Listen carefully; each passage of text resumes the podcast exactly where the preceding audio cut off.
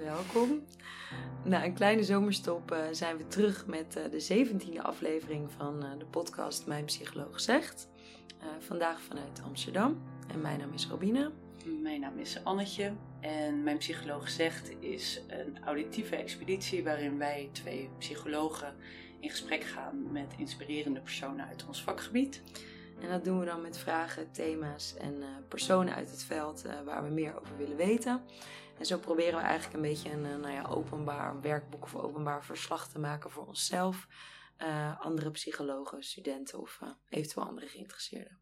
Vandaag zijn we op bezoek bij Erik Jongman. Erik is een expert op het gebied van forensische psychologie en GZ-psycholoog en psychotherapeut. Werkzaam bij de Waag, wat een centrum voor forensische en geestelijke gezondheidszorg is en werkzaam bij de Koppeling. Dat is een gesloten jeugdzorg van Level. Hij is gespecialiseerd in multiproblem gezinnen en jongeren en jongvolwassenen met ernstige gedragsproblemen, waarbij een langdurende behandeling noodzakelijk is. En daarnaast is hij hoofddocent bij de opleiding tot klinisch psycholoog kind en jeugd en hij geeft supervisies. Ben ik iets belangrijks vergeten in die introductie?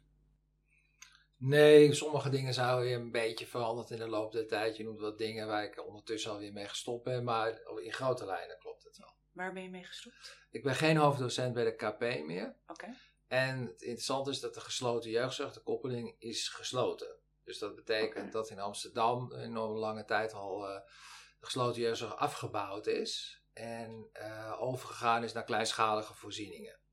Dus uh, we willen toch de jongeren zo min mogelijk gesloten plaatsen, omdat we denken dat het voor veel kinderen niet goed is. En als er een alternatief is, het liefst zoveel mogelijk in het gezin veel ambulante behandeling.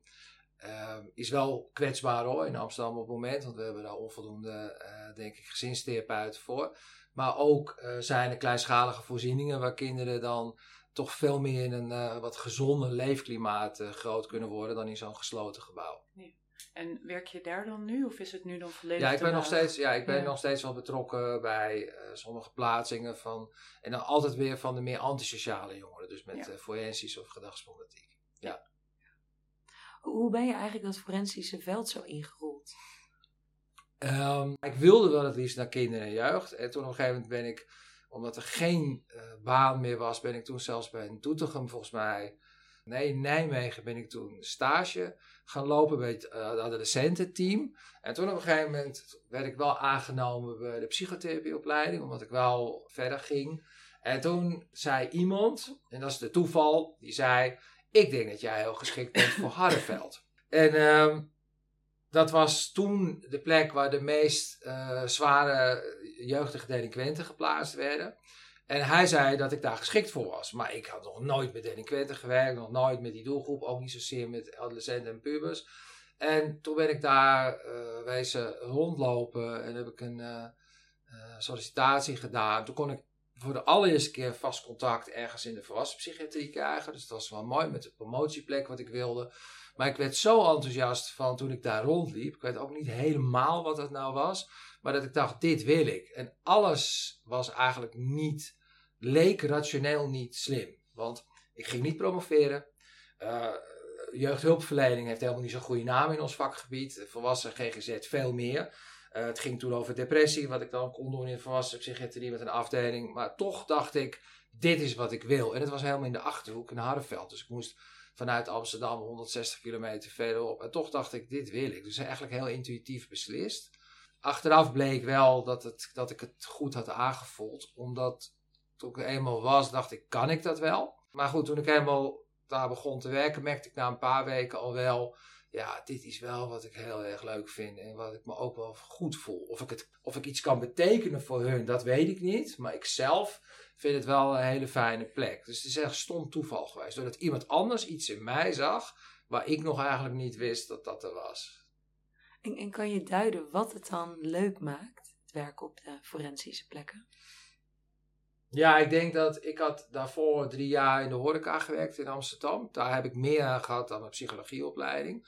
Daar had ik een nachtcafé, daar moest je mensen ook het café uitzetten. Je moest je bar bewaken, er waren veel mensen onder invloed, kook, er werd gedeeld. En eigenlijk wat daar heb geleerd, en dat wist ik toen natuurlijk nog niet hoeveel ik daarin had, was een probleem oplossen, bijvoorbeeld boosheid of eh, iets waar je grens stelde, maar dat op zo'n manier doen dat je niet eigenlijk agressie triggert bij de ander.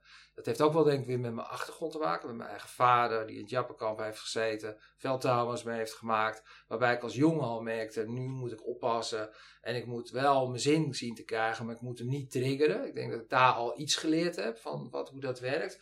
Maar in het café heel erg gewoon praktisch. En dat ik heel veel met humor deed. En ook wel wist dat ik nooit een millimeter mag wijken. Dus ik had wel geleerd in de horeca, als ik een millimeter die ander achter de bar laat, dan ben ik de bar kwijt. Want dan gaat die andere achterkapen. Dus ik moet gewoon, hoe keer of ik hoef niet ruzie te maken, hoef niet iemand uh, te slaan. Maar ik moet wel blijven staan daar waar ik sta.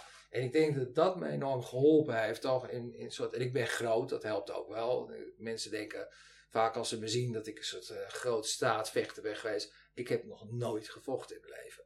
Ook niet toen ik jonger was, ook niet in de puberteit, ook niet nooit. Maar mensen denken dat wel vaak van dat ik ook een beetje misschien een boefie ben door mijn accent en door hoe ik eruit zie. Maar alles niet. Ik ben een keurige gymnasiumjongen uit Waterverdorp, dus dat is helemaal niet waar. Wel stront eigenwijs was ik altijd, maar niet lastig of grensoverschrijdend of zo. Nee. Dus, dus het is wel, ik denk, meer een beeld wat mensen van me hebben.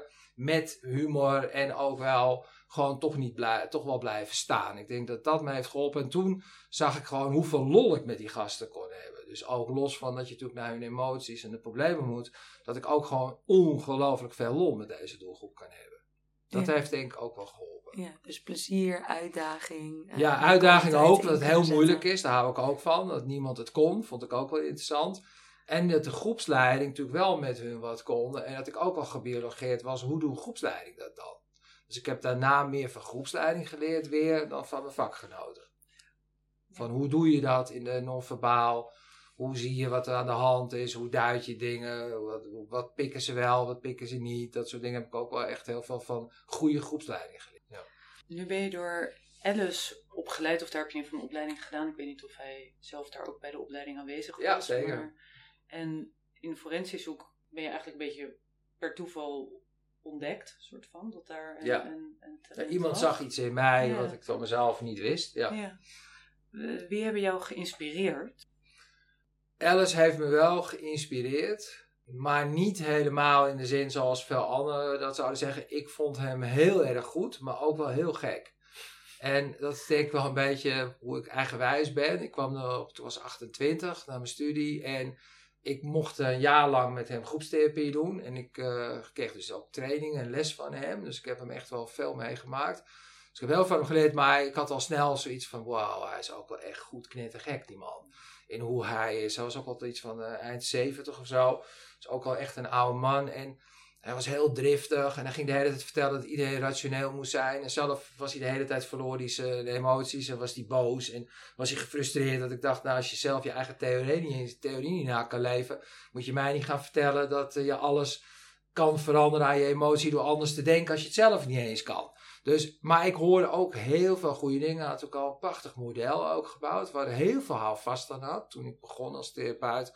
En ja, ik werd in New York wel echt voor de leeuwen gegooid. Dus het was niet zo dat je binnenkomt in, uh, als je dan naar Nederland kwam en dat er dan. Ik kwam de eerste dag binnen en ik denk, nou, mensen gaan me ontvangen. En die gaan zeggen, nou, hoe is het met je? En uh, hoeveel ervaring heb je met therapieën? Want dat had ik nog nauwelijks. En uh, ja, wat voor soort cliënten wil je? En, en nee, niks. Ik kwam binnen en de secretaresse bij de balie die zei: Erik, je hebt nu al twee slots, heet dat. Dat zijn twee afspraken. Die staan al in je agenda. En uh, die ene komt straks om drie uur en die andere om vijf uur. Niks voorbereiding, niks, niemand die je begeleidt, niks. Hup, daar zaten ze. En dan ging je aan de slag. En ik denk dat ik daar wel heb geleerd, waar ik op Hardenveld er ook wel weer lol van had dat ik dame maar moest zien te redden. En dat je dan ook wel heel hard werd afgerekend of je het goed deed of niet. Dus er was niet zoiets van, oh wat lastig voor jou, want je bent in New York. Heb je wel een huis? Heb je het wel naar je zin? Mis je je ouders? Ben je eenzaam? Nee, niks. Het was gewoon, dit heb je niet goed gedaan. En als je het niet goed doet, sodemieten je maar op terug naar Nederland. Dat was eigenlijk meer de toon.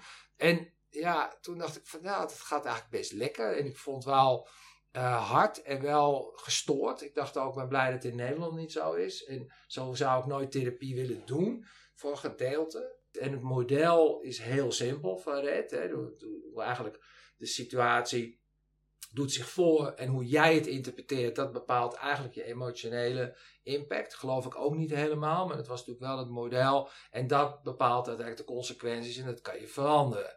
Maar het is wel een heel simpel model. Je kan er wel heel makkelijk meteen met mensen als leidraad pakken. Van nou, laten we die analyses maken. Hoe werkt dat bij jou? Wat denk je dan? En waarom ben je dan zo ontzettend verdrietig? En kan het daarmee te maken hebben? Dus het, het, het hielp me wel. Eén ding die het meeste hielp, was dat Alice toen al wel, wat dat betreft vond ik hem wel geniaal. Het model was wel uh, heel helder. Hij was natuurlijk helemaal nieuw in de zin tegenover de analytische stroming en tegenover de gedragstherapie. Later is dat geïntegreerd. Maar, en daar heb ik wel op Harveld heel veel profijt later van gehad. Hij zei, jij kan brengen wat je wil. Dus je kan een hoop brengen in het model en je kan mensen dingen laten zien. Maar uiteindelijk is die ander verantwoordelijk voor wat hij doet. Dus je kan nooit denken dat jij zomaar iemand heel erg kan beïnvloeden. Je kan je best doen en je kan proberen van alles doen, maar uiteindelijk is het altijd aan die ander. En we hadden ook suicidale cliënten en dan zei hij, Daarin kan je ze meenemen op een hele nou, warme manier. Hij, was, hij noemde het eerder dat neutraal, maar je kan het op een warme manier doen, maar niet overbetrokken, waarin je kan laten zien wat het leven te bieden heeft. Dat er denkfouten in zitten, irrationele ideeën. Maar uiteindelijk is het iemands beslissing of die wel of niet suïcide pleegt. En hoe meer jij in de zorg schiet, hoe meer jij eigenlijk het allemaal gaat proberen te, te weg te maken of, of te gaat vermijden, hoe gevaarlijker het wordt. Dus je moet heel doorvragen. Je moet heel vragen, wat is het plan? Wat is er? Is later helemaal uitgekomen in Nederland met alle suïcidepreventieplannen. Er was iets een tijd ver vooruit. En het hielp mij verschrikkelijk om rustig te blijven. Als ik dan een hele moeilijke cliënt in de kamer had, ik had nauwelijks ervaring, dat ik daar heel rustig blijf. En dacht ik, ja, die verantwoordelijk is uiteindelijk of die iemand doet bij die ander. Dus ik ga het helemaal doorvragen. Ik ga heel erg betrokken zijn, maar ik hoef niet het uiteindelijk allemaal op te lossen. Of ik kan niet voorkomen dat iemand suïcide doet. Maar dat is de andere kant met agressie hetzelfde. Ik heb hier jongens die, die plegen hele ernstige delicten. Ik kan niet voorkomen of die wel of niet. Ik kan wel alles aan doen om diegene te raken, om diegene mee te krijgen, om het systeem uh, ergens mee te krijgen, om allerlei dingen. Maar uiteindelijk beslist iemand of die het wel of niet doet. Ik kan een geniale sessie hebben. Iemand kan hieruit lopen, kan een pistool in zijn auto beliggen, rijdt dan daar en schiet iemand dood. Ik heb er geen controle over, feitelijk. En dat heeft hij wel heel goed bij mij erin gebracht, waardoor ik denk dat toen ik op Harvard ging werken, ik daar wel een juiste nabijheid, distantie kon vinden. Daar heeft hij me echt mee geholpen. Het is natuurlijk fijn dat je vroeg in je carrière hebt jezelf ja. van hebt kunnen vrijwaren van zo'n verantwoordelijkheid. Ja. Wat ik denk dat veel mensen wel hebben en waar ook wel beroep op wordt gedaan in het vak. Nou ja, wij ook elkaar wel gek maken ermee. Ik ben wel, wel heel boos over wat we. Ik weet niet of dit nu het moment is om daar nu op in te gaan, maar ik ben wel heel boos over hoe we elkaar gek maken in de zorg. En wat we uh, jonge mensen aandoen. In de zin van, en Alice was snoeihard. Die haatte ook de meeste psychologen. Die vond bijna iedereen een idioot. Die vond uh, ook alle diagnoses vond hij debiel. Dus dat, die, dat al, hij gaf iedereen één diagnose. Dat was een generalized anxiety disorder. Want hij zei, all the security uh, companies are crazy. Dus het was altijd gevaarlijk om te vertellen wat je had. Dus als iemand dan een diepe persoonlijkheidsstoornis had, gaf hij hem ook nog 300, ik weet hem al met mijn hoofd, 02, altijd die. Want daarmee kon je dus nauwelijks iemand iets kwaadaardigs aandoen als verzekeringsmaatschappij. Om te zeggen, je hebt geen, nou ja, qua verzekering of qua baan of wat dan ook. Dus hij was toen al zoiets van, het is allemaal onzin, al die diagnoses. Niet in de zin dat ze niet helemaal waar zijn, maar het pakt nooit echt wat er helemaal aan de hand is. En het is heel gevaarlijk ook om iemand in die hoek te zetten dit is heel erg wat je ook uit Alice gehaald hebt. Zijn er nog andere belangrijke mensen in je professionele leven die je geïnspireerd hebben? Uh, zeker.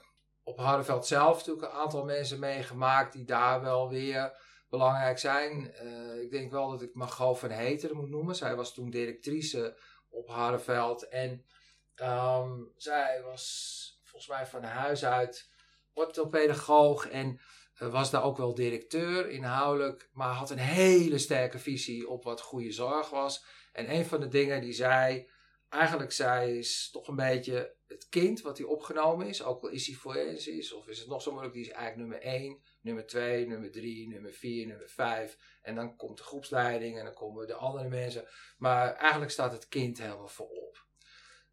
wat heel veel mensen zeggen, en wat heel veel instellingen, dat vind ik een van de grote leugens van de zorg, die zeggen de, de cliënt staat voorop, maar het is niet waar. Dat betekent dat het eigenlijk om het protocol gaat, het gaat om de financiering, het gaat om allerlei instellingsbelangen, het gaat om je team, het gaat werk wat, maar niet altijd om de cliënt. En zij deed, voerde dat snoeihard door. Dat betekende, ook al ging die jongen 10 keer los, hij bleef op Harreveld. Ook ging hij 20 keer los, alle ramen eruit, hij bleef op Harreveld. Want hij had een reden om dat te doen. En wij moesten zoeken hoe je dat oploste. En dat zorgde wel, dat past heel erg bij mij. Maar het zorgde ook voor dat ik daarin wel gelijkgestemde had. Die zei van we gaan echt het kind op nummer 1 zetten. We gaan echt alles aan doen om het te laten werken. En dat voelden kinderen ook wel op Hardenveld. Later is er een hoop gedoe geweest. Omdat ze zeiden dat Hardenveld eigenlijk kinderen zoveel macht gaf. Dat daardoor het heel onveilig was op Hardenveld. En heel veel nou ja, op seksuele agressief incidenten zijn geweest. Wat doorgeschoten dan zou zijn. Um, daar ben ik niet bij geweest. Ik weet niet precies wat de details daarvan zijn.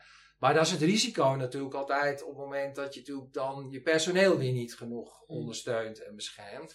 Maar de visie op zich, om zo, zij, als ze zelf iemand in therapie had en die jongen die ging om tien uur s'avonds los, en zij had hem in therapie, dan kwam ze, ze woonde een uur rijden van Ouderveld, dan kwam ze s'avonds gewoon aanrijden. En dan bleef ze daar slapen en dan ging ze met de jongen in gesprek. Dus zij was dan ook daar aanwezig. Ze belde, ze was er en zij zorgde ook voor ja, die containment, voor die veiligheid, om dan ook dat therapeutisch proces aan te gaan. Dat heb ik van haar heb ik gezien. Dat zit ook wel in mij. Dus ik heb eigenlijk ook daar altijd besloten van ik ga ook gewoon alles aan doen om het te laten slagen. Dat, dus het kind is echt nummer 1, 2, 3, 4. Dus ik heb in die zin eigenlijk altijd wel wat malingen, instellingen, protocollen en noem maar op gehad. Omdat ik dacht, volgens mij heb ik ooit ergens een soort beroepsethiek met mezelf afgesproken dat het echt waar is dat iemand nummer 1 is en niet de instelling.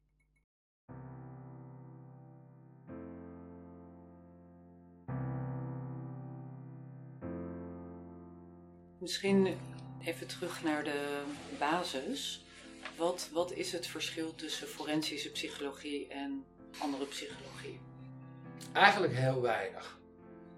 Alleen ehm, wat ik zelf merk is dat ehm, als ik les geef, bijvoorbeeld in de GZ over forensische psychiatrie, dan heb ik het nauwelijks over forensisch. Dan leg ik meer uit wat betekent het om bepaalde persoonlijkheidsstoornissen in je kamer te hebben, van borderline, antisociaal tot narcistisch in de zin van wat doen mensen met jou? Want dat vinden ze ingewikkeld. De tegenoverdracht die het oproept. En hoe iemand eigenlijk steeds weer dezelfde fouten maakt. Niet alleen naar jou in de tegenoverdracht, maar ook wel buiten. Op het moment dat je het over kenmerken hebt of heb je het wat vaak over impulsiviteit. Maar dat hoeft niet per se forensisch te zijn. Het kan ook gewoon ADHD zijn en, en trauma. Uh, je hebt het wat vaker over lage begaafdheid. Maar niet alle lage begaafdheid zijn forensisch. Maar we zien het natuurlijk wel vaker. Dat zijn wel kenmerken daarvan. Maar ik denk een van de dingen die het wat unieker maakt. Is dat je um, met iets te maken hebt wat een enorme impact heeft op de maatschappij. Namelijk dat iemand een delict heeft gepleegd die uiteindelijk anderen beschadigd hebben. En dat mensen daar een mening over hebben. Of dat die docent bang is. Of dat die ouder het kind niet meer in huis wil hebben door die explosie. Of omdat ze zich niet veilig voelen. Of omdat ze boos zijn dat hij weer iets verkeerds heeft gedaan. Dus er zit een dynamiek in van uitstoting en van uh, regelgeving. Die dus te maken heeft ook met strafrecht en met allerlei maatregelen. Die wel erbij komen. Als je naar het kind kijkt 70, 80 procent van mijn jongens zijn kwetsbare jongens die af en toe hele heftige dingen doen.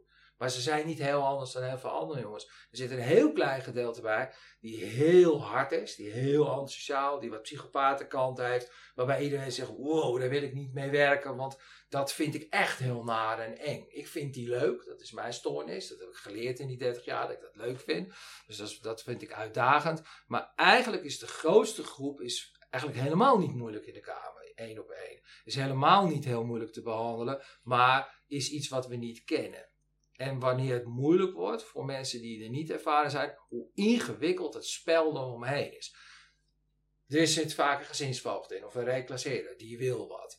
Er zitten ouders in die soms zeggen, nou ja, hij kan niet meer thuis wonen. Of die juist zeggen, er is niks aan de hand. Waardoor je geen gezinstherapie kan doen of moeizaam. Er zit politie bij, die zegt ik wil hem niet meer in de straat hebben. Er zit uh, een kinderrechter bij. Die van alle school die zegt heel vaak hij kan niet meer bij ons wonen.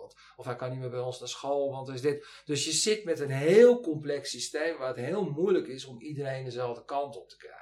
Maar dan is het ook zo dat als je in de forensische zorg werkt, dan werk je ook al voor het algemeen, even los van wat je in de kamer hebt, ook veel samen met Klopt. politie en andere instellingen. Ja, hoe, hoe moeilijker je doelgroep is, hoe meer tijd je kwijt bent met de partners. Dus ik ben, ik zit hier in het topzorgteam, dat is meer de outreach en dat zijn de, de veelplegers, vaak jonge jongens. En daarbij ben ik soms wel twee derde van al mijn tijd kwijt aan partners en aan op één lijn komen in plaats van het zien van die jongeren. Wat natuurlijk een totaal bizar idee is. En een beetje wat aansluit op wat je net zei over die kwetsbaarheid. Maar een, een, psychiater bij mij op werk die noemde laatst dat toen hij het forensische vak had, dat een van de eerste dingen die hem geleerd werd was: de misdaad staat vaak op zichzelf en betekent niet dat iemand persoonlijkheidsgestoord is. Klopt. Uh, ja, wat, je zegt dan meteen klopt, maar wat, wat, is jouw ervaring daarmee? Of hoe kijk jij daarnaar?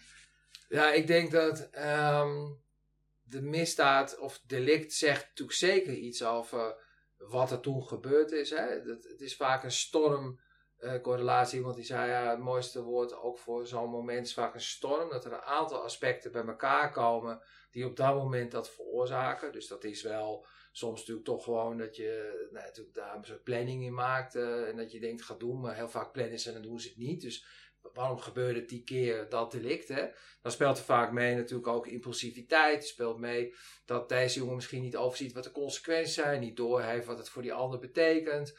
Uh, dat er thuis heel veel aan de hand is, waardoor je op straat rondhangt en jij die vriendengroep hebt die eigenlijk bezig is met dat soort dingen. Er spelen allerlei factoren spelen daar mee en daarin zie je dat uh, eigenlijk het forensische stuk niet het allergrootste stuk is, om te begrijpen wat er aan de hand is met iemand en ook om te bedenken wat je moet doen. Dus heel veel mensen die ik niet zo goed vind in de forensische zorg, die zullen heel erg zeggen dat het delict heel belangrijk is. Nou, die mensen vind ik over het algemeen niet zo goed, want die overdrijven dat. Het enige wat je wel kan doen, je kan een analyse maken op het delict en de belangrijke factoren eruit halen. Kijken wat dat betekent voor het hele verhaal. Maar het delict is maar een onderdeel daarvan. En vaak zit er veel meer kwetsbaarheid en andere factoren achter die, de needs of de behoeften waar je naartoe zou moeten. Ja, ik zit meer er zit wel vaak een delictanalyse, vindt wel plaats, toch? Ja, heel vaak, dat doe ik ook wel. Ja. Maar niet op dezelfde manier als anderen. Nee, Sommigen beginnen al. Ja, als een jongen niet wil, en mijn jongens willen eigenlijk bijna nooit, dus die willen gewoon überhaupt geen therapie, die willen niet aan de waag, dan ga ik niet al snel vrij snel beginnen. Nou, we gaan een GC-regulatietraining doen of we gaan een delictscenario scenario doen. Want daar hebben ze al helemaal geen zin in. Dus ik zeg eerst, ik wil eerst weten wie jij bent. En ik ben in mijn hoofd wel mijn analyse aan het maken. Wat ben jij? Hoe kan dat? Wat voor rol heb je in die groep? Waarom heb je dat gedaan? Dan ga ik het delict nog wel goed lezen. Dan ga ik nadenken. Maar het is eigenlijk een soort puzzel die je langzaam maakt. En dan ga ik langzaam aan zeggen van... Nou ja, waarom denk jij dat het niet meer gaat gebeuren? Want als ik het nu lees, zijn er nog steeds een aantal dingen je gebruikt nog steeds, je hebt nog steeds dezelfde vrienden, uh, je hebt nog steeds veel behoefte aan geld. Waarom zou je niet weer zo'n delict plegen? Dan gaat hij natuurlijk meestal ontkennen. Dan zeg ik, nou, ik zie wel heel veel risicofactoren, dus wat gaan we daaraan doen? En dan ga ik met iemand kijken van, of wil je het? Hè? Dus als iemand het wil, net als suïcide, ik ga hem niet tegen kunnen houden. Dus ik ga niet tegen iemand zeggen, je moet het delict niet plegen. Hij weet dat ik daarvoor ben, maar ik ga niet zeggen, nou, ik vind het niet fijn als je weer een delict gaat plegen. Dat is natuurlijk heel moralistisch. Wat ik zeg, is dit wat jij wil met je leven? Want en, heb je alles in beeld? Heb je alles in beeld? En betekent het, is dit wat je wil? Dus als ik jou in de gevangenis zie, omdat je weer opgepakt wordt, die kans is groot dan, ga jij dan tegen me zeggen, ja Erik, ik heb echt een hele bewuste keuze gemaakt dat ik dit wilde. Of zeg je dan, nee, shit man, nee, helemaal niet over nagedacht. En toen gebeurde dit. En toen kwam hij en toen zei hij, ja, is easy. En stel van geld, ik heb er niet over nagedacht. Ik ben er weer ingeluisterd. Ga je dat tegen me zeggen? Want dan ben ik wel boos. Want dan denk ik, dat hebben we samen wel heel slecht gedaan. Dat wij niet dat allemaal eigenlijk bedacht hebben welke risico's er zijn. En dat je er weer in gestonken bent. Maar als jij heel bewust, nou zo probeer ik ze aan het denken te zetten. Is dit wel echt wat je wil? En welke risico's zijn er? En dus ik probeer heel erg eigenlijk met ze samen in een bootje te zitten en naar hun leven te kijken. Zo, stroomt het, zo gaat het. En overkomt het je? Is dit wat je wil? Welke dingen zijn er gebeurd? Waar zou je naartoe willen? Wil je dingen soms anders? Ik geloof dat het anders kan. Dus ik probeer heel veel hoop te geven. op die manier van, ik denk ook dat je even andere keuzes kan maken. Maar dat geloven zij vaak niet. Dus daarin ben ik heel belangrijk om alternatieven aan te bieden ten opzichte van dit uh, stuk. Ja. Je noemde net ook, je zei 70 à 80 procent zijn eigenlijk hele kwetsbare jongens. En hè, die, die willen eigenlijk ook best wel wat hè, als je daar aankomt. En je zei, maar ja, dan is er nog een kleinere groep, dus wij spreken 20, 30. En die, die hebben eigenlijk veel weerstand, dat is stevige problematiek. Wil je eens wat vertellen over die groep en ook wat het voor jou interessant maakt om daarmee te werken? Ik zou het een beetje zo willen definiëren voor de mensen die er minder ervaring mee hebben. Ik zie eigenlijk de grootste groep van onze jongens zie ik als borderliners. Zij worden niet zo genoemd. Er worden eigenlijk vrouwen altijd genoemd. En vooral moeders die vervelend zijn, die, die zijn borderline. En mannen zijn die vervelend zijn, vaders, dat zijn meestal narcisten en antisociaal. Maar eigenlijk zie je dat mijn doelgroep grotendeels bestaat uit borderline jongens met borderline dynamiek op zijn minst. Zwart-wit, snel overspoeld, veel... Uh, agressie-regulatieproblemen vanuit trauma, vanuit hechtingsproblematiek. Weinig identiteit, niet weten wat ze willen, heel beïnvloedbaar, impulsief, vaak wat lagere intelligentie. Ja, die zitten echt wel een beetje in die cluster B. Met veel, uh, nou ja, veel, veel eigenlijk wel aspecten van vooral die borderline. En hebben wel antisociale kanten. Of soms narcistische kanten. Uh, dat betekent dat je ze heel erg moet ondersteunen dus. En dat je ze heel erg moet helpen om meer vat op zichzelf te krijgen, om alternatieven aan te bieden vanuit een heel negatief zelfbeeld. Heel bang dat ze er alleen voor staan, dat ze in de steek gelaten worden, dat ze niet gezien worden. Ja, op de groep worden ze gezien, buiten op straat, in die criminele groep. Daar krijgen ze aandacht. Dat is hun nieuwe familie. Dus hoe, hoe zorg je? Hè, dat is bij die groep. Maar die hebben dus eigenlijk niet heel veel bewuste keuzes. Heel veel overkomt ze. Die kleine 20, 30 procent, dat zijn heel vaak gasten die al vanaf jongs af aan bijvoorbeeld al ongelooflijk verwaarloosd zijn. En heel erg die vermijdende coping hebben. Die dus al heel vroeg hebben gedacht: ik heb met niemand iets te maken. Ik ben een loner. Ik sta er alleen voor. En ik moet goed voor mezelf zorgen. Die is ook heel erg altijd al met regie bezig zijn, met controle, met macht. Maar ook kennelijk de capaciteit te hebben om dat enigszins vorm te geven. Dus bijvoorbeeld, ik zal wel noemen, ik heb al vijf kinderen behandeld. Allebei de ouders zijn verslaafd. Hij heeft vanaf jongs af weinig te eten gehad. Moest zelf voor zijn eten zorgen. Moest al overleven. Dat is zo'n keiharde straatjongen al, overleveraar. Dat als hij op zijn veertien in therapie komt. Jij gaat hem niets meer vertellen. We gaan dat soort kinderen in gesloten instellingen plaatsen. Hebben we gedaan. Daar ben ik dus altijd tegen geweest. Kansloos. Zijn ouders hebben hem niet opgevoed. Hij is al 14. Hij heeft zichzelf al te eten gegeven. Hij weet al hoe hij moet overleven op straat. Hij heeft heel veel geweld meegemaakt, drugs, alles. En dan ga jij hem proberen in een gesloten instelling te zeggen: Wij zijn je nieuwe ouders en verzorgers. En wij houden van je en uh, weet ik wat. Nee, kansloos. Die jongens zijn al snoeihard. Kijk als ze binnenkomen, hoe krijg ik de boel hier op stelte? Hebben niks met die groepsleiding. Weten precies wie ze moeten manipuleren van die kinderen.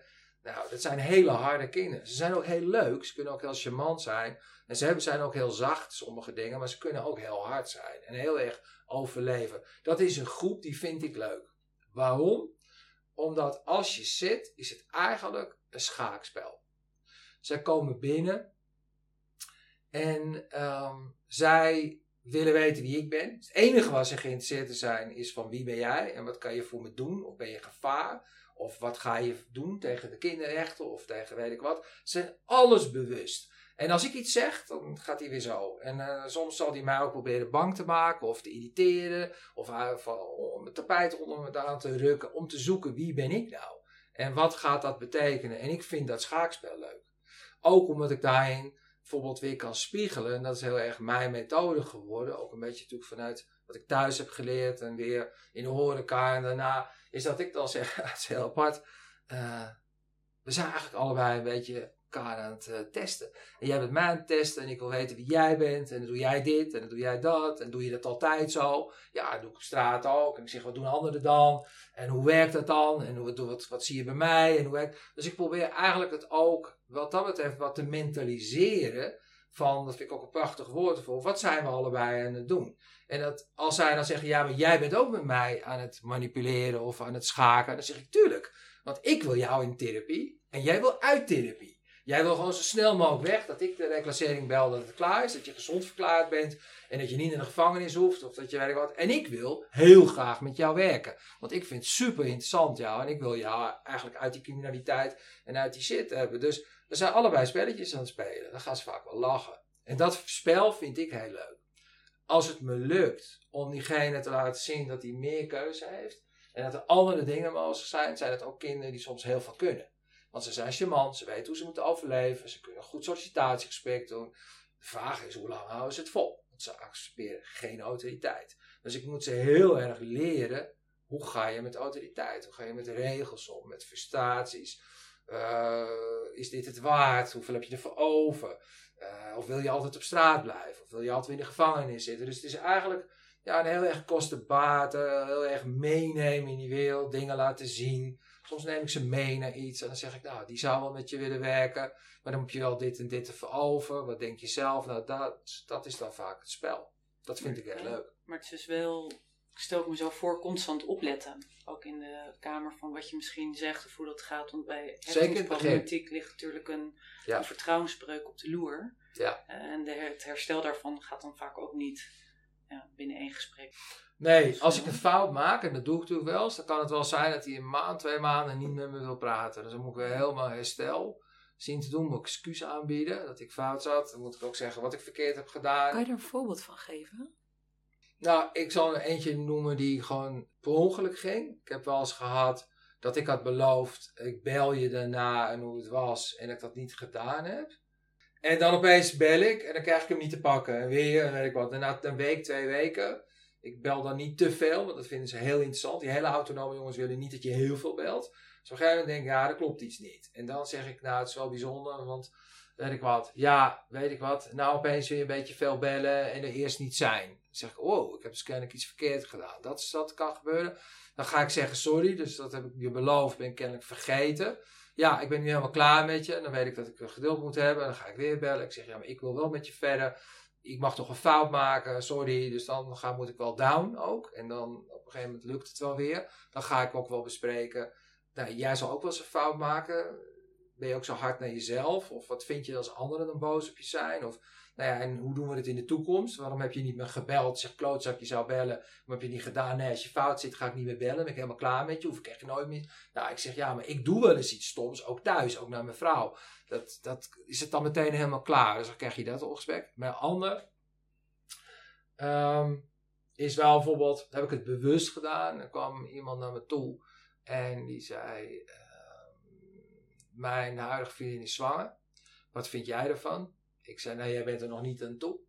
Ehm, zij is ook helemaal er niet aan toe. Jullie allebei niet. Dus ik zou eigenlijk, dat mag ik niet, maar gewoon vanwege het belang van het kind abortus eigenlijk uh, adviseren. Ehm, dat is toen niet gebeurd, want hij wilde het wel, maar zij wilde het niet. En dat is helemaal misgegaan, ook al vrij snel, met die moeder. Maar met hem was het ook wel spannend. En toen op een gegeven moment kreeg ik een telefoontje. En toen belde de Raad voor Kinderbescherming vanwege die moeder op, vanwege iets anders. En toen heb ik gezegd, nou, ik maak me ook wel zorgen over het kind wat er niet komt. En noem maar op. En toen was hij woedend op mij. Want hij had zoiets van, ik heb je altijd vertrouwd. Je hebt altijd volledig dat. En nu naai je me door tegen de Raad voor Kinderen. En toen heb ik tegen hem gezegd, ja, ik vertrouw jou totaal in wie jij bent. Maar als opvoeder, als vader naar een baby in deze situatie is het zo dat ik het niet weet en dan twijfel ik. En ik vind vanuit het belang van je kind dat ik dit nu moet doen. Nou, daar is hij weken, maanden boos op geweest. Maar hij komt nu wel weer bij mij af en toe terug. Maar dat is wel een situatie waarin dat wel heel spannend is. En ik al wist van nu gaat de oorlog op. En dan moet ik echt bij mezelf, heb ik, zit het waard? Stel voor dat hij me nooit meer wil zien, moet ik het dan toch doen? Dan heb ik gedacht, ja, ik moet het vanwege die baby toch doen.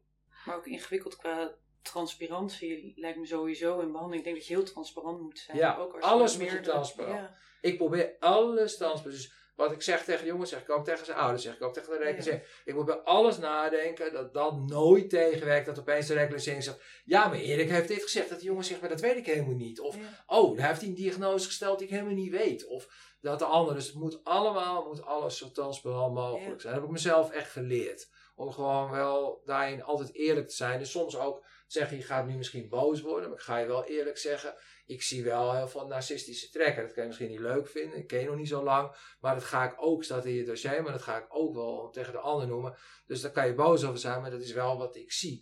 Zullen we het daarover hebben? Dus dat je de dingen wel naartoe durft te bewegen. Als je gaat vermijden bij deze groep, en dan gaat het mis. Ja. Dat zullen ze waarschijnlijk ook van mijlen ver ruiken Ja. als je dingen vermijdt of weghoudt. Hoe sluit jij aan bij deze doelgroep en hoe motiveer je ze? Wat ik probeer te doen is, dat is bijvoorbeeld een van de dingen van een van mijn hang-ups. Ik geef ze heel veel les en dan zeg ik, kijk, wij zeggen dus bijvoorbeeld heel erg, nou je hebt allemaal technieken krijg je, van open vagen en nieuwsgierig zijn en noem maar op.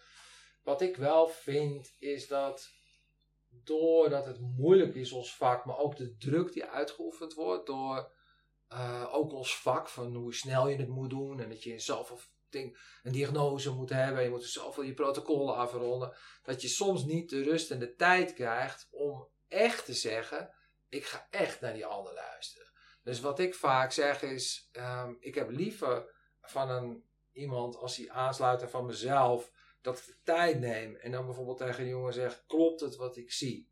Jij bent hier gestuurd, maar ik zie ik aan je houding dat je er geen zin in hebt.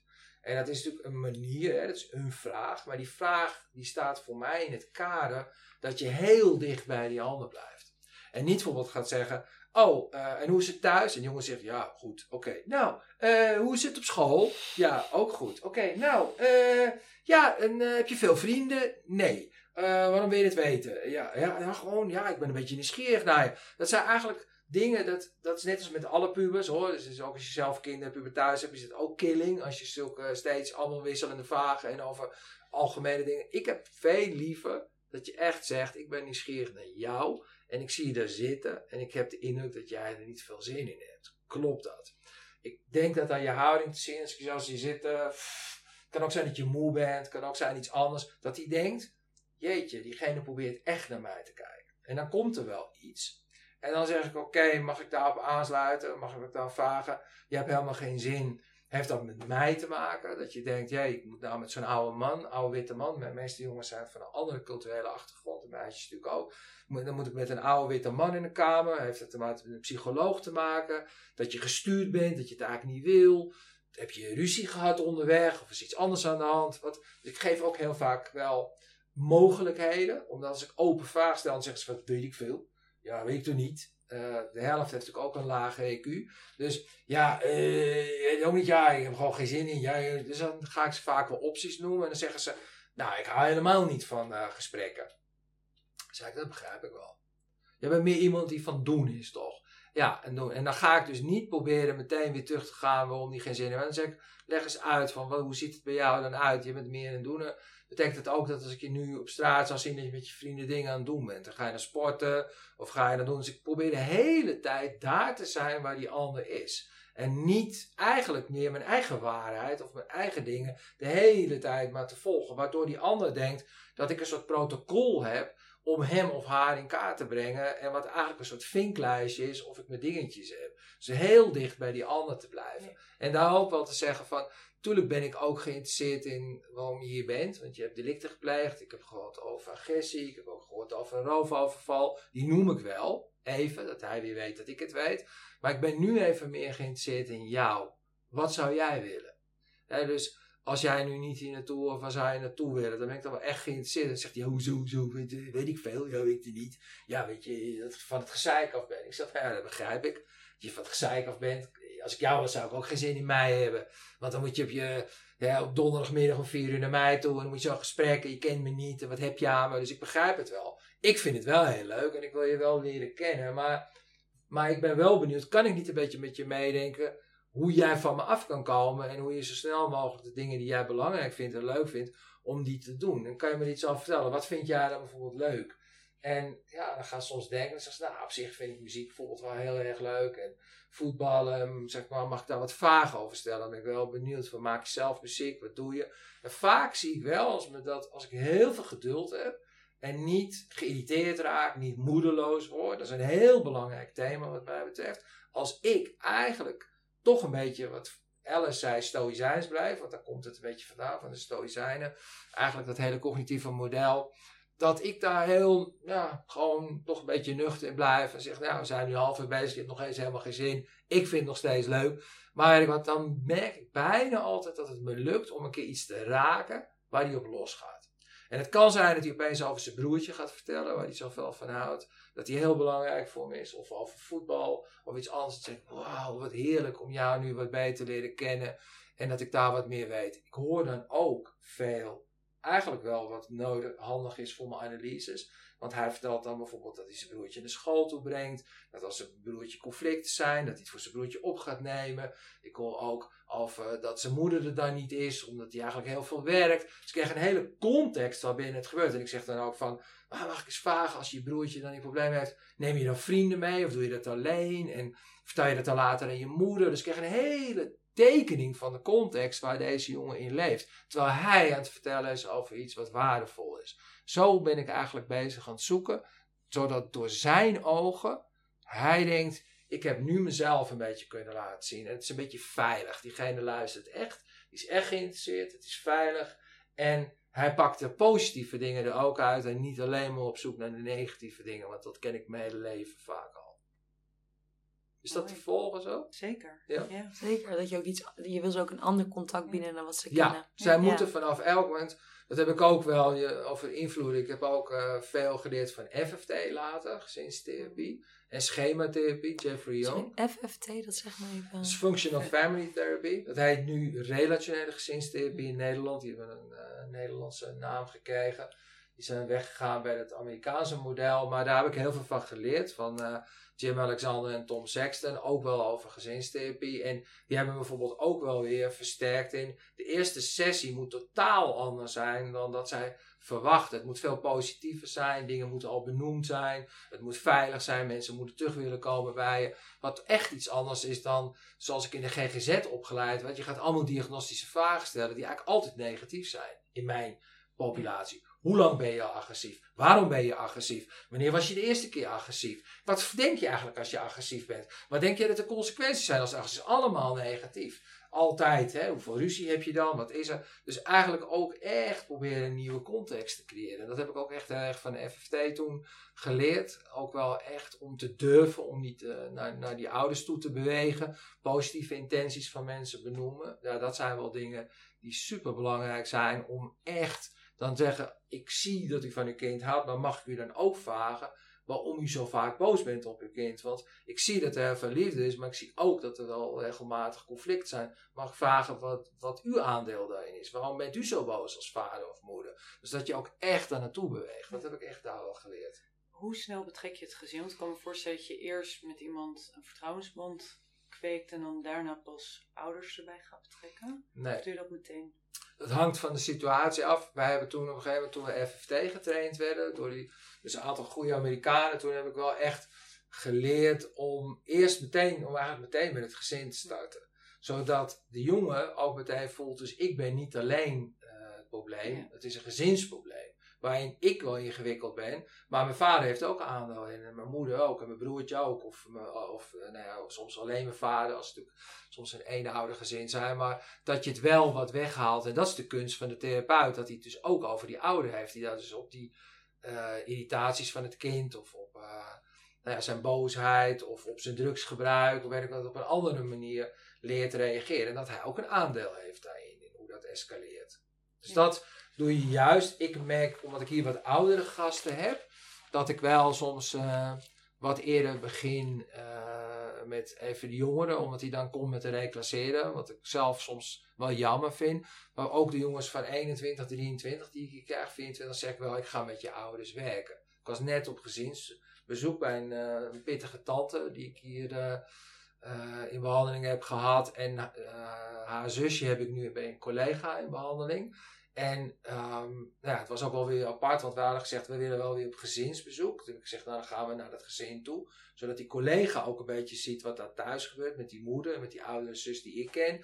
En dan zegt die oudere zus eigenlijk ook, en die moeder, ja, waarom moet het eigenlijk nu? Waarom is eigenlijk het gezinsgesprek? En waarom is dat? Het is echt alsof ze weer aangevallen worden, dat ik heel vaak zie. En ik zei, nou, ik zeg, eh, ik kom hier, want nu is het jonge zusje in behandeling. En eigenlijk zeg ik van, ja, ik vind dat die wel even daar in het middelpunt mag staan. Want zij heeft ook, door alles wat er in het gezin is gebeurd, veel meegemaakt. Ook wel veel last van. En ik vind dat we nu wel moeten kijken, hoe, hoe steunen we haar met z'n allen in dat proces. En nou, die, die, meisje wat ik dan in behandeling heb gehad, jij hebt daar ook wel die ruimte in gehad en met je moeder gesprekken gehad. Ik vind dat zij ook het recht heeft. Ook al omdat het meisje zelf eigenlijk heel erg dit doet, heel erg vermijdt. Dus je probeert dan in zo'n gezinssysteem eigenlijk ook te zorgen dat die dynamiek wat verandert. Dat zij wat meer ruimte durft in te nemen en die anderen haar ook wat meer ruimte gaan geven. Zodat ze ook daarin kan groeien.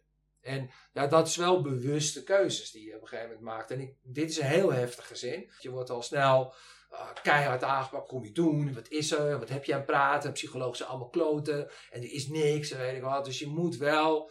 Ja, Stoïcijns. Ja, je moet wel stoïcijns. En je moet wel zeggen, ja, dat hoor ik. En het is veel psychologische kut. Ik doe ook veel stomme dingen, zeg ik dan ook altijd. En dan zeg ik ook, ja, ik ben van alle psychologen tegen de oudste, van alle psychologen ben ik de minst slechte tot nu toe. Ja, gaat ze lachen. Zegt ze, ja, je bent wel oké. maar echt goed ben ik ook niet. Maar zeg ik, maar ja, daar gaat het niet even om. Het gaat nu even om je zusje. En ik wil wel dat je zusje. En dan zie ik wel dat ze zachter worden. Maar het heel belangrijk in mijn vak is om te durven om toch bij je visie te blijven. Dus wel erkenning te geven aan de ander en ook wat zeggen, nou ik zal het ook niet helemaal redden, dit is een beetje zo, dit is een beetje zo. Maar in de kern kom ik hier, want ik wil wel gewoon meer ruimte voor dit meisje.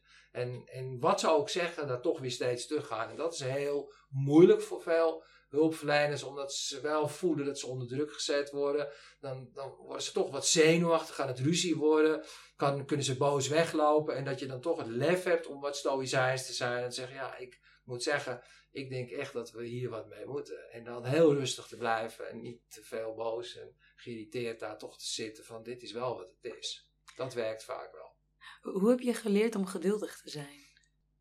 Ik denk dat ik dat al wel had met mensen, omdat ik mensen gewoon bloed interessant vind. Ik vind het gewoon ongelooflijk leuk. En ik vind ook deze kinderen, uh, dat roept iets bij me op. Dat, ik ben zelf totaal niet verwaarloosd en helemaal niet. Uh, ik heb misschien wel een wat ingewikkelde vader gehad, maar niet in die zin ooit iets tekort gekomen. Dus ik weet het niet helemaal, maar ik kan heel goed voelen wel wat een kind nodig heeft. En dat zorgt wel dat ik wel veel kan verdragen van kinderen. En ouders, ik heb zelf, vind ik, dus goede ouders gehad. En ik denk dat ik ook wel begrijp hoe moeilijk het is opvoeden. En zeker toen ik zelf kinderen kreeg, dat je denkt, wauw, het is ook wel... ik heb ook wel eens tegen mijn stiefdochters staan schreeuwen en... en dat ik daarna een gezinsgesprek had en dat ik tegen die mensen heb gezegd, nou ik ga jullie nu weer vertellen wat jullie moeten doen, maar ik heb net als een mogol tegen de oudste schreeuwen, dus ik durf eigenlijk niet te zeggen hoe jullie het moeten doen. Als je mij had gezien, dan had je niet hier gekomen om nu van mij te horen hoe het moet. En toen probeer ik ook wel met humor en eerlijkheid, maar dat is ook gewoon zo, dat ik soms ik denk, het is ook zo moeilijk. Als je een kind met heel veel kindkenmerken hebt, met heel veel temperament, is het ook gewoon heel moeilijk. Dat vind ik ook echt. Dus ik heb ook wel veel ruimte daarin. Dus ook wel veel geduld voor ouders. Ik vind ouders vaak ook wel leuk. Zeker juist die hele moeilijke ouders. Moet soms gewoon heel erg om ze lachen ook. Gaan ze helemaal boos op mij worden. Ja, en dan komt jij. En dan hebben zoveel mensen gehad. En wie ben jij nou wel? Ja, ik moet eigenlijk heel erg lachen. Ik zeg ja, als ik jou was, zou ik ook eigenlijk wel denken. Wat kom jij nou weer doen? Ik weet het ook niet zeker. Maar ik denk dat ik wel wat kan doen. Maar ja, ik begrijp wel dat je geen zin Ik ben wit en oud. En dan kom ik zo aan het gezin. En jij bent dit. En je hebt een heel andere cultuur. Een heel andere geschiedenis ja, maar ik denk dat ik wel wat te bieden heb. Dat durf ik dan wel te zeggen. Dus dat, ik ga niet zeggen, ja, ik weet het ook helemaal niet. Ik zeg, nee, ik denk dat ik wel wat te bieden heb. Maar ja, we gaan maar We gaan kijken hoe het... Ja, maar kijken. Ja. Een beetje met de oog op de tijd. Ja. Uh, zijn er nog vragen die, waarvan je zegt, die moeten we echt even stellen? Moeten weet ik niet, maar wel misschien nog één of twee die ik graag zou willen stellen. Ja. Um, je vertelde net uh, over hoe dat ging, bijvoorbeeld met, met die vraag uh, over een ongeboren kindje van uh, een van je, ja, zeg je cliënten, jongens, ja, ik weet niet hoe je het zou noemen. Dat, dat lijkt me nou een ethisch dilemma, van hoe, hoe je daarmee ja. omgaat. Um, en ik ben aan de ene kant benieuwd of er nog andere ethische dilemma's zijn die je tegenkomt, en aan de, of regelmatig tegenkomt. En aan de andere kant ook wie jij opzoekt. Hè? Je bent best ervaren. Wie zoek jij niet op in je vak om mee te sparren? ja, ik heb wel een hele reeks mensen die ik opzoek. Ik ben wel vrij autonoom van mezelf. Dat helpt denk ik wel. En net als de doelgroep die ik leuk vind om te behandelen, ben ik zelf ook vrij autonoom. Dus ik heb daardoor kan ik wel wat overleven tijd in zo'n moeilijke situatie, omdat ik vrij autonoom ben. Maar uiteindelijk daarna, zeker als ik het moeilijk vond of ik heb de pest aan mezelf. Ik vind soms wel dat ik het slecht heb gedaan, zo'n gesprek. Ik denk, ik heb niet uitgehaald wat er had moeten gebeuren. Dan zoek ik wel een aantal collega's op. Ik heb hier bij de Wagen echt een aantal hele goede collega's. Uh, waar we ook wel intervisie mee doen. Maar ik heb ook nog wel vanuit mijn eerdere netwerk mensen. En die bel ik dan wel of zeg, kan ik het even voorleggen? Ik, soms vertel ik het ook mijn vrouw. Ze begrijpt er niet altijd helemaal wat van. Maar dat is meer eigenlijk een soort mentaliseren wat ik dan doe. En door hoe haar reactie is, zonder dat zij de kaas kent en zonder details te weten, zie ik dan al wel denk ja, dat was gewoon echt toch niet goed, helemaal niet goed, nee. Dus dan moet ik gewoon wel weer wat mee, zo doe ik het wel. Ik kon vroeger wel wat makkelijker, uh, omdat ik al heel veel cliënten had. Ik denk dat ik soms wel 30, 40 cliënten had met allemaal problemen. Dan kon ik wel beter ergens weer doorgaan en dat wegzetten. Ik merk nu dat ik wel, nu ouder wat kwetsbaarder word. Ik heb denk ik iets van tien systemen nu, of, of, of jongeren. En soms kan ik wel echt aangeslagen zijn door dingen. Dan voel ik ook in de auto wel dat ik emotioneel ben. Ja, dan, dat sta ik nu wel toe. Dan denk ik, ja, dat is zo. Soms zeg ik daar wel eens even wat over. Of dan ga ik met de hond lopen of zo. Qua raad ga ik dus wel, als ik weet, al het wordt een heel moeilijk gesprek. Of het is iets wat ik ingewikkeld vind. Dan ga ik wel altijd van tevoren even met mensen kort sluiten. Dat doe ik wel. Dus dat lijkt, in tegenstelling tot mijn autonomie. Ik zeg zelf echt, het is eigenlijk onmenselijk als je een heel moeilijk systeem hebt of iets heel moeilijks, om het helemaal in je eentjes gewoon niet menselijkerwijs te doen. Dat kan ik ook niet. Nee. Nee, moet je ook niet willen, denk nee. ik. Nee. nee, al is het soms om even soort veiligheid. We zijn een soort, soort sociale zoogdieren. Ik heb waarschijnlijk toch de nabijheid van iemand nodig om het even te voelen. Zoals ik dat ook met mijn vrouw doe. Of soms tegen mijn hond lul. Of wat dat natuurlijk uh, niet helemaal een mens is, maar wel een sociaal zoogdier. Mm. Hij kijkt altijd naar mij alsof hij me begrijpt. maar, dus dat helpt. Maar dat in ieder geval even zo wel. En dat je even uit en dat je denkt, wow, het is ook wel helemaal kloten. Want veel van onze, veel van mijn jongens hebben wel echt niet normaal veel ze doen hele erge dingen, maar het is echt niet normaal wat er soms in hun leven gebeurt. Soms word je er helemaal gek van. Ik heb vijf op dode jongens natuurlijk om me heen. Dat uh, best wel veel doden in Amsterdam vallen. Wel jongens die wij hier in behandeling hebben, waar je bij betrokken bent. Ja, soms zit ik met die moeders dan weer te praten. Vlak daarna dan, ja, dan zit ik, heb ik het wel moeilijk in de auto. Uh, met mijn eigen kinderen in mijn achterhoofd. Ja. Maar ik zie het wel als mijn verantwoordelijkheid. Dus ik heb wel voor mezelf bedacht dit moet ik doen. Dit is mijn missie. Dit is mijn missie, ja, het is mijn missie, echt mijn missie. Al, na, ja, na een paar maanden, na een paar jaar naar Houdenveld dacht ik, dit is mijn missie. Ja, dat is wel een beetje zo. En mijn hobby en mijn missie. Ja. Mooi. inspirerend. Um, ja, ik vroeg ook nog over andere ethische dilemma's, maar dat kunnen we ook parkeren. Ik weet niet wat jij daarover denkt. Nou, over ethisch vind ik dat wel meevallen, omdat ik dus mhm. heel transparant ben. Ik werd nu gebeld uit de gevangenis, een jongen die weer bij mij terug wil. Heb ik ooit één gesprek gehad, is weer teruggevallen in zware criminaliteit. Dan ga ik door de telefoon dan zeggen, je weet wel dat ik je ga zeiken, hè? want ik wil wel dat je eruit stapt. Gaat hij heel erg lachen. Hij noemde me meneer Erik, maar nee meneer Erik, uh, ik ga het allemaal uh, keurig doen. Dus hij praat heel respectvol. Maar mm. ik zeg, ik ga wel aan je zeiken, want ik wil echt wel dat je nu uit die criminaliteit stapt. We zitten in zware criminaliteit ik ga wel dus daarin eigenlijk het al neerzetten, zodat ik niet in dat dilemma kom. Hè? Dat hij wel weet wie ik ben, wat ik, waarom ik zeg, met wie ik praat, wat ik ga doen. Ik denk dat het grootste dilemma zit echt op mijn jongeren die dan kinderen krijgen. Daarin is het wel zo. Ik heb één vrouw al een tijdje bij, die kinderen zijn zo'n beetje al volwassen. Dat loopt niet ideaal, maar ik vind wel dat ze het heel goed gedaan heeft. Dan heb ik het ook wel meegemaakt dat het goed afloopt. Maar veel van mijn jongeren, door toch de problematiek die ze mee hebben gemaakt, is opvoeden niet hun sterkste ding. En dan wel dat lijntje houden met hen, terwijl ook de kritiek te geven over hoe ze die opvoeding doen, of daar meer in hmm. te willen, dat, is wel, dat vind ik het allermoeilijkste. Ja, dat snap ik. Het lijkt me heel lastig om daar uitspraak over te doen, maar ik zat net te denken dat het misschien ook, omdat jij veel kinderen ziet van hele kwetsbare ouders al, dat je misschien makkelijker daar iets over durft te zeggen. Maar dat weet ja, ik niet. dat doe ik wel. Ja, zeker. Ik doe het zeker. En uh, ik probeer daar wel eerlijk over te zijn, omdat ik met hun dus wel wat heb. En ik ook mezelf zie als vooral toch wel loyale naar het kind en naar de ouder. Dus ik ben er vooral voor kinderen. En zo voel ik het ook. En dat, dat is ook mijn missie. Dus ik, dan denk ik, oké, dan krijg ik misschien mijn missie met de ouder. Maar ik moet nu wel het kind gaan beschermen. Of ik moet wel zoveel mogelijk mijn best doen lukt natuurlijk niet altijd. Maar dat, nee, die loyaliteit is daar het grootst. Ja, Ja. begrijp ik, begrijp ik. Ja. En dan niet over per se over kinderen, maar zou je iets eh, nog tegen jonge psychologen willen zeggen? Of startende psychologen, zou je die iets mee willen geven? Ja, ik zou wel erg nadenken van... Zorg goed dat je goede mensen om je heen houdt. Dus misschien vanuit je opleiding, die jij eh fijn vond, om daar wel supervisie, intervisie. Zorg ook dat je wat onafhankelijke groep hebt. Want in een instelling is de neiging om toch wel heel snel met protocollen, maar ook richtlijnen te komen die dus veel meer gebaseerd zijn op het voortbestaan van de instelling, op het voortbestaan van eh, angst ook. Hè, eh, de hele tijd angst. Iedereen is maar bang van, eh, ja, als je die doet, je privacy. En dan is er weer dat en dan is er weer, iedereen is maar bang en weet ik wat. Ja, het spijt me wel, als je met die moeilijkste doelgroep gaat werken, moet je realiseren dat het altijd spannend is. En op het moment dat je te veel laat leiden door die angst voor een klacht, voor privacy schending. Ik heb nog nooit gehoord, dat, ik heb zelf ook nog nooit een klacht gehad in die 35 jaar. Dus dat is ook geluk. Maar ik zou niet kunnen voorstellen, ik praat vaak over jongeren, ook tegen politie, tegen anderen. Ik denk ik in hun belang.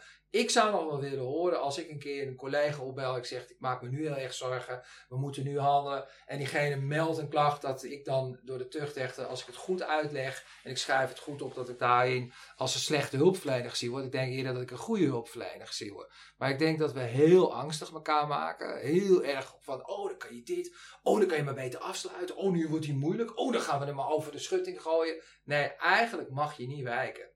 Ik wijk niet van mijn jongeren, ook al worden suicidaal, heb ik er niet veel verstand van. Ik blijf erbij. Ik ga wel een expert erbij halen op het gebied van suïcide, maar ik blijf er wel bij. Ik ga wel met diegene afspreken, hoe doen we dat? Dus wel risico nemen in die zo belangrijke relatie met die jongeren, als je die opgebouwd hebt. En wel dus de goede mensen. En daarin soms wel, ehm, ja, dan zegt eh, misschien de instelling, je moet afsluiten. Ja, ik heb soms tegen mezelf gezegd van, oké, het is ingewikkeld. Ik heb het wel tegen mijn vrouw gezegd, maar ik zeg, ik blijf hem zien. En dat is mijn vrijwilligerswerk. En dat bespreek ik ook met die jongeren. En als er dan wat zou gebeuren, dan komen ze bij mij en zeggen ze: Ja, maar bij wie zit hij dan? Want hij zit niet meer bij die instelling en is hij nog wel bij jou, weet ik wat. Dan zeg ik: Nou ja, dan moet ik dat wel gaan verantwoorden. Dus dat is wel een keuze die ik maak. Maar het is verschrikkelijk dat die kinderen allemaal over de schutting. Dat weten we ook 100% dat in de koppeling en de gesloten juist helemaal een ramp is geworden. Met allemaal gasten die iedereen maar over de, de schutting had. Kinderen die 30, 40 hulpverleners hadden gezien. Iedereen zegt, ja, ik vind het toch wel moeilijk. Ik weet het niet zo goed, ik weet niet of ik het kan. Moet hij maar daar naartoe, moet hij maar daar naartoe, daar naartoe, daar naartoe, daar naartoe. Verschrikkelijk voor kinderen. Ja, Dus ik zeker vind met ook- een laag zelfbeeld. Hè, zeker als je al denkt Ja. dat het aan jou ligt. Dus ja, Ja. die psycholoog, die, die zegt dan heel lief, ja, ik weet het niet. Maar hij denkt dus, ik ben te moeilijk. Hmm. Die denkt niet, oh, het is een hele lieve hulpverlener. Die eigenlijk wel onzeker is. En eigenlijk wel mogelijkheden in me ziet. Maar juist omdat hij mogelijkheden ziet, me iets anders gunt. Nee, ik ben een kutkind en ik kan het niet. Zie je wel, laat maar gaan. Dus ik vind echt dat we veel meer eye on the ball van het kind moeten houden. En dat je wat dat betreft dus wel nodig hebt om daarin, want het is doodeng, het is heel moeilijk, en zeker als je begint. Dus dan moet je hele goede mensen om je, zoals ik Margot van Eten had, die directeur in Hardenveld. ook, En ja. mensen als Alice, die scheid aan iedereen hadden, heb je wel mensen nodig die die power hebben, die jou helpen om wel op dat kind te blijven letten en ook te weten hoe je dealt. Want ik zeg nu, als iemand het aan mij vraagt, zeg ik, heb je het ingedekt in je organisatie? Want je moet niet liegen. Je moet niet zeggen dat je niet ziet diegene. Dan moet je wel het conflict aangaan. Dan zeg ik, ik schrijf het nog wel op in het dossier. Of ik doe het zo of zo. Maar je moet wel transparant zijn. Want anders komt het tegen je. Want Ja. dan denken ze, ja, je bent overbetrokken mogol die dat kind in huis neemt. En die eh, zelf geen leven heeft. En die eh, zelf te treurig verwoorden is. Omdat hij geen vrienden heeft en al die kinderen in huis neemt Ja. of zo. Of je bent een pedo of zo. Ik zeg wel eens tegen mijn kinderen, tegen mijn jongens ook. Ja. Soms denken ze wel eens dat ik misschien een pedo ben. Gaan ze van naar me kijken. Ik zeg nee, omdat ik dan gewoon wel Met eh, kinderen ja, werken. met kinderen werken, weet ik wat, gaan ze heel hard lachen. Maar Ja. dat is natuurlijk het risico van dat het lijkt, zeker in de psychotherapiewereld, dat je een overbetrokken mongool bent. Omdat je denkt, nou ja, ik moet diegene nog steunen. Kind Of- op één. Ja. Ja. en voordat je diegene goed overdragen hebt, dat je zorgt dat dat eerst goed gebeurt voordat je eruit gaat. Dat ze dat soort dingen echt goed doet.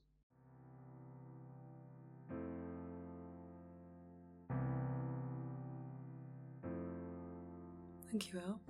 Dankjewel. Oké, Ehm, volgende keer zijn we terug, volgende maand eigenlijk al. Deze keer hebben we hem ingepland. Eh, met Justine van Lawik. En met haar gaan we in gesprek over complexe gezinsproblematiek en geweld in familierelaties. Nou, zij heeft ook wel een mening. Daar houden we van. mensen. Ja, zij heeft een Ja. hele sterke Ja, mening. ja. Zij is heel goed en ze heeft een hele sterke mening. En ze, heeft, ze werkt bij een prachtig eh, centrum in Haarlem. Dus eh, Ja, veel mensen hebben bij haar natuurlijk eh, al meer opleiding.